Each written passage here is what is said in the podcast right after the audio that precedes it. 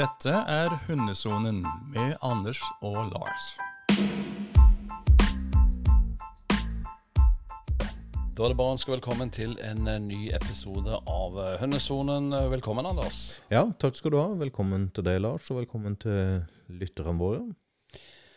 Du, eh, etter å ha hatt ganske mange kurs Jeg skal spørre først, hva har du eh, Du har sjøl vært på kurs? Jeg har sjøl vært på kurs. Jeg syns det at eh, vi er aldri ferdig med å lære, og den dagen vi er ferdig med å lære, det vet vi godt, da er det over. Så Ja. jeg har vært på RIK grunnkurs med en som heter Ingar, som er veldig kjent. Han er to ganger verdensmester i IGP. Eh, Så utrolig spennende å, å være med og Du, Fortell litt. Hva er Rik? Ja, RIK det er en konkurranseform der eh, det er litt sånn enkelt sagt, da, så eh, er det et program som eh, handler om en spesiell type spor, der du blir bedømt under hele sporet. Så har du et lydighetsprogram. Det lydighetsprogrammet må du memorere. Det er ikke sånn som i en del lydighetsprogram at nå skal du gjøre det momentet, nå skal du gjøre det momentet. Du gjør alle momentene etter hverandre. Og så er det det vi kaller C-arbeid. Og det er det som mange synes kan være litt sånn tøft, eller noen kan synes at det er feil å trene. eh, Og kan være litt omdiskutert, for at det handler om at han går inn i et skjul blant annet og bevokter en figurant, og, og så går i en hvit arm, da. Men eh, istedenfor å stå på sidelinja og ha mange meninger om det, så syns jeg at å delta på et RIK og få en innføring av noen som virkelig kan det, det er mye mer interessant enn å stå på sidelinja. Og det er sånn vi mennesker er lagd, at når vi oppsøker et miljø og eh, blir kjent med hva de tenker og hvordan de trener, så gir det mye mening og er spennende og utviklende. Ja, Så du har egentlig vært med på lydighet, du har vært med på spor, og du har vært med på bitearbeid, for å si det kort. Ja, for å si det veldig kort. Hva, eh, du har jo lang erfaring med redningshunder, og hva tenker du, eh, bortsett fra bitearbeidet, som ikke finnes i redningshunder av naturlige grunner, men hva, hva tenker du er den største forskjellen? Ja, den største forskjellen går på eh, hvordan man går et spor, da. Hos oss så trener en jo mye på sportap, og sporet handler om å følge sporet og komme til mål. Det er ikke en poengsum i sporet, og hos oss også skal en kunne markere gjenstander, da, at sporleggeren har mista gjenstander. I noen konkurranseformer er det pinner de mister, og eh, i IGP så er det òg en spesiell gjenstand, pinne, som de finner, da. Så den største forskjellen er sporet, der man i IGP får en bedømming for hvordan sporet gjøres, og at våre spor har heller ikke en oppskrift på hvordan de skal legges ut, da. Det er jo en konkurranseform som eh, du sier, og så er jo de virkelige sporene er jo gått etter kanskje mennesker. eh, sånn sett er forskjellen, og du vet jo aldri sånn sett hva du får i du, eh, hva du får i sporet. Men du, ga det mersmak? Har du lyst til å fortsette med f.eks. For bitarbeid? Det ga absolutt mersmak. Eh, jeg tenker at når en gjør dette riktig, eh, så vil det ikke være en konflikt med at hun fortsatt er en redningshund. Så det ga mersmak, og det som spesielt ga mersmak når vi holdt på med bitearbeidet, det var da at eh, lydighet og spor er kjempeviktig å ha i bunnen, og det er jeg helt enig i. Og bitearbeid trenger en ikke å trene så veldig mye på. Og så var det liksom det her med når Vi snakker jo mye om mentalitet på hunden, da, hvor hunden er hen når han jobber i dette bitarbeidet. og eh, dette var jo en eh, instruktør da, som eh, tidligere har konkurrert, eh, Norsk Brukshundsportsforbund, som har vært mentaldommer på eh, funksjonsanalyse før. Masse erfaringer med seg.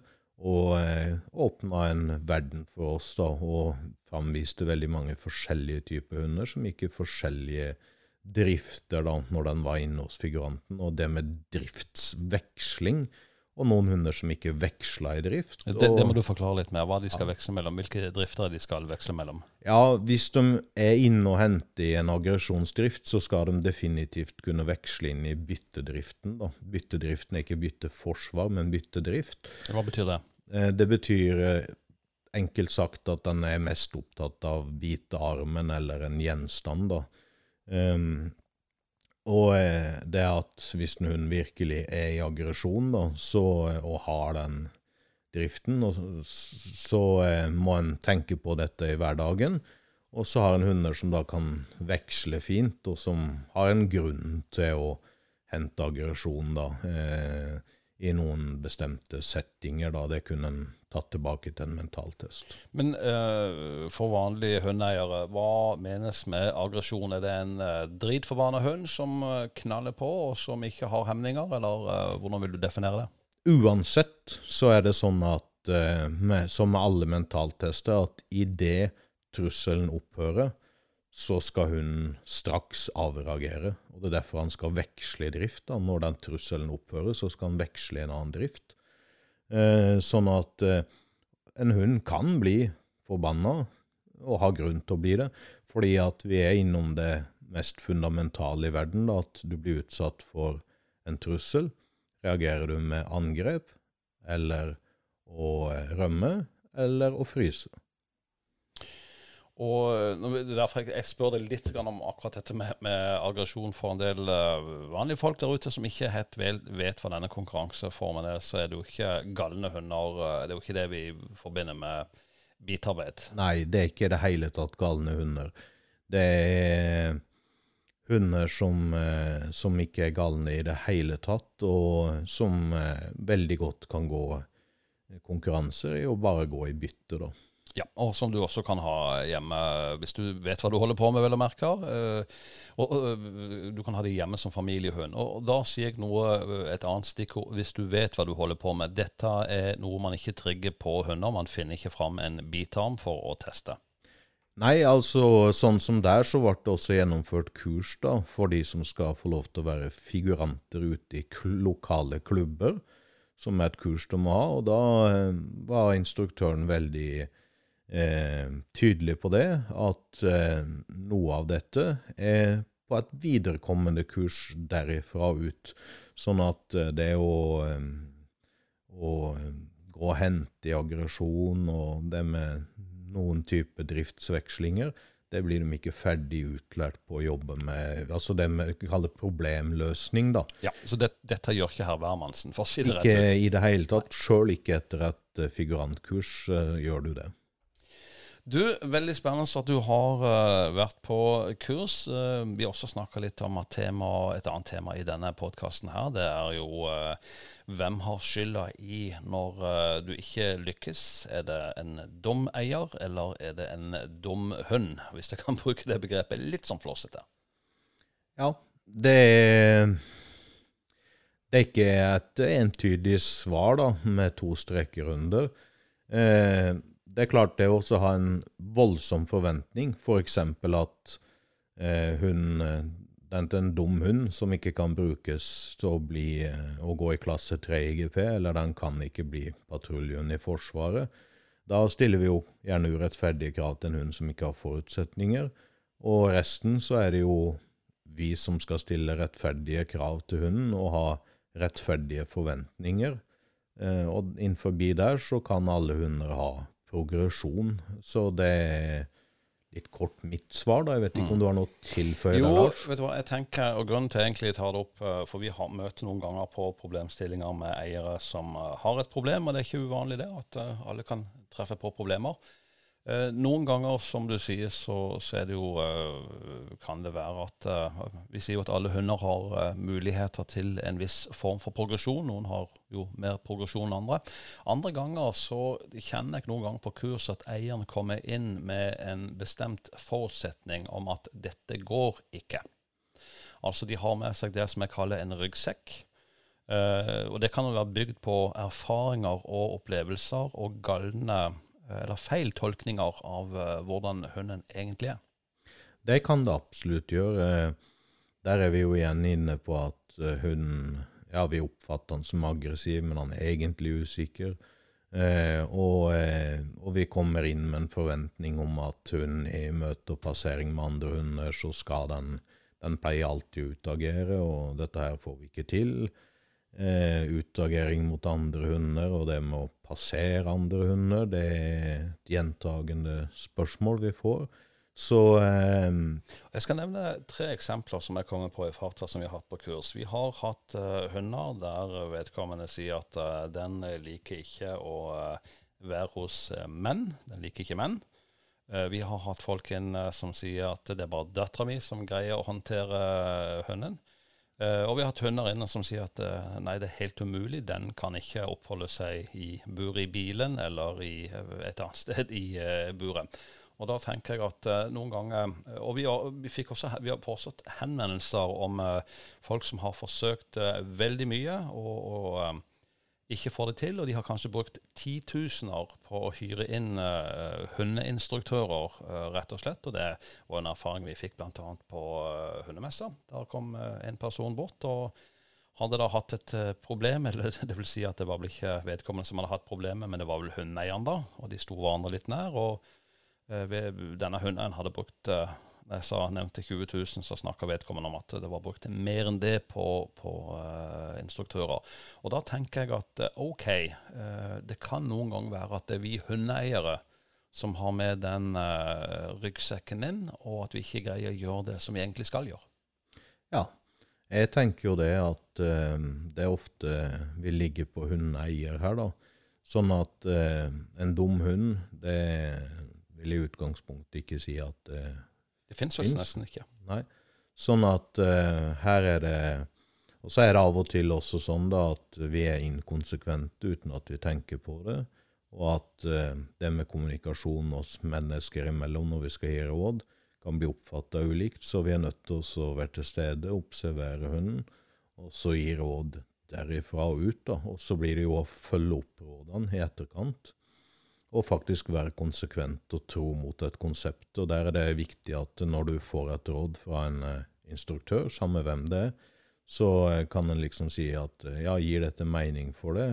har du trua på de rådene vi gir, og at vi setter dem ut i livet? Ja, dette gir mening for meg. Det er ingen vits å så Jeg kan òg gå på et kurs der jeg tenker at ja, det var mye spennende her, men det er ikke noe jeg kunne tenkt meg å gjort eller jobba på den måten. Sånn at, og når vi da er tro med konseptet og møter folk som har kunnskap, så eh, vil det som regel gå framover. Og vi har eh, med noen av nevnte eksempler møtt på mennesker som jeg sier bærer på en bagasje, og så har de ofte en egen tolkning, og den er ofte feil. Hva man trodde om uh, hva som bodde i hunden, og hva som hunden reagerte på. Så legger man de forutsetninger til grunn. Altså man legger ofte som eier av og til eh, feil forutsetninger til grunn, og så behandler man hunden deretter. Ofte istedenfor å, å behandle dem som dyr. Eh, hunder er jo som kjent ikke misunnelige på oss mennesker. Nei, de er ikke misunnelige på oss mennesker. Det er de ikke. Og eh, det er jo òg sånn som på noen kurs, når noen har en veldig liten hund, så sier jeg at uh, tenk på at det er en Grand Danois du har. Altså, det er mye hund, og det spiller ikke noen rolle størrelsen på hunden. Og der er det mange som eh, ja, behandler hunden annerledes når det er en liten hund. Da triller han rundt i ei vogn. Eh, det skal ikke ha noen sterke meninger om hvis folk vil trille hunden sin rundt i ei vogn. Men eh, hunden har nå fire bein, og det samme med å løfte han opp i ulike skal, situasjoner. Jeg skal si det noen sterke meninger, for jeg syns ingenting om, om, å trille en hund rundt i vogn, fordi at dette er ikke en del av dyreverden. Nei, jeg mener jo ehm, Jeg, jeg mener, òg det samme, Lars, Ola er litt forsiktig her. Jeg tenker jo det, Den har fire bein, og den skal verken bæres rundt på eller trilles rundt i vogn. Den skal gå på de fire beina og få erfaringer med problemløsninger sjøl hele tida før den er åtte uker og forlater mor, og eh, framover. Som enhver hund har egentlig rett og krav på det. da. Men hva pleier vi å gjøre når vi møter på der vi kanskje ser at eh, noe av problemet ligger hos hundeeier? Hva pleier vi å gjøre? Vi adresserer det og er ærlige og sier at noe av problemet ligger der. Det gjør vi, og så ber vi de også noen ganger også eh, resette mindet. Altså at man eh, nullstiller seg sjøl hva du tror om hunden din, og hva du tenker om hunden din, og hvilke tolkinger du har om hunden din. Og så går vi back to basic veldig ofte. Eh, på det vi gjør. Ja, og det er lurt i veldig mange settinger, det å gå back to basic. Det er ingenting feil i. Eh, en del problemløsningssituasjoner så ser vi da at det grunnleggende med at hun kan sitte og ha kontakt med eieren, eh, er noe som må trenes på. Så har man trent på veldig mange ting uten at man egentlig har kontakt og fokus med hunden. Og så er det andre, dette med å jobbe opp forsterker hos hunden. da. Eh, og det forsterker jo belønning, og da er det hva som er belønning for akkurat denne hunden, at det må ofte jobbes med. da, Man jobber seg sjøl som en leder. ikke sant? Det er ikke sjefen, sånn er det heller ikke i næringslivet. Det er lederen og alle ønsker å bli leder. Vi ønsker å bli leder på jobben når det blir rettferdig og fint gjort. Og vi skal bli en leder for hunden og bety noe. og at vi men, men går, opp den forsterkeren. Men går det an å gjøre noe med de hundene der eieren i kanskje tre, fire og fem år har uh, trodd at uh, sånn var hunden min, og så har de agert og handla ut ifra det? Ja, det går uh, veldig godt an. det så vi jo når jeg var på det kurset jeg var på sist helg så har eh, min hund bare hatt bringkobbelmeldinger på figurant. Han har aldri halsa på en figurant. Og eh, hadde ingen erfaring og ingen forutsetning for å være noen ting i C-arbeid. Og blei tatt inn for å vise om går dette an eller ikke. Og med en veldig, veldig erfaren instruktør som figurerte, så viste det seg jo da at eh, de driftene ligger i hunden og hunden kan gjøre det. Og på samme måte som min hund ikke har trent på det, så kan en risette en annen hund, få til forsterker, få til kontakt. Og eh, gamle hunder kan jo lære å gjøre det.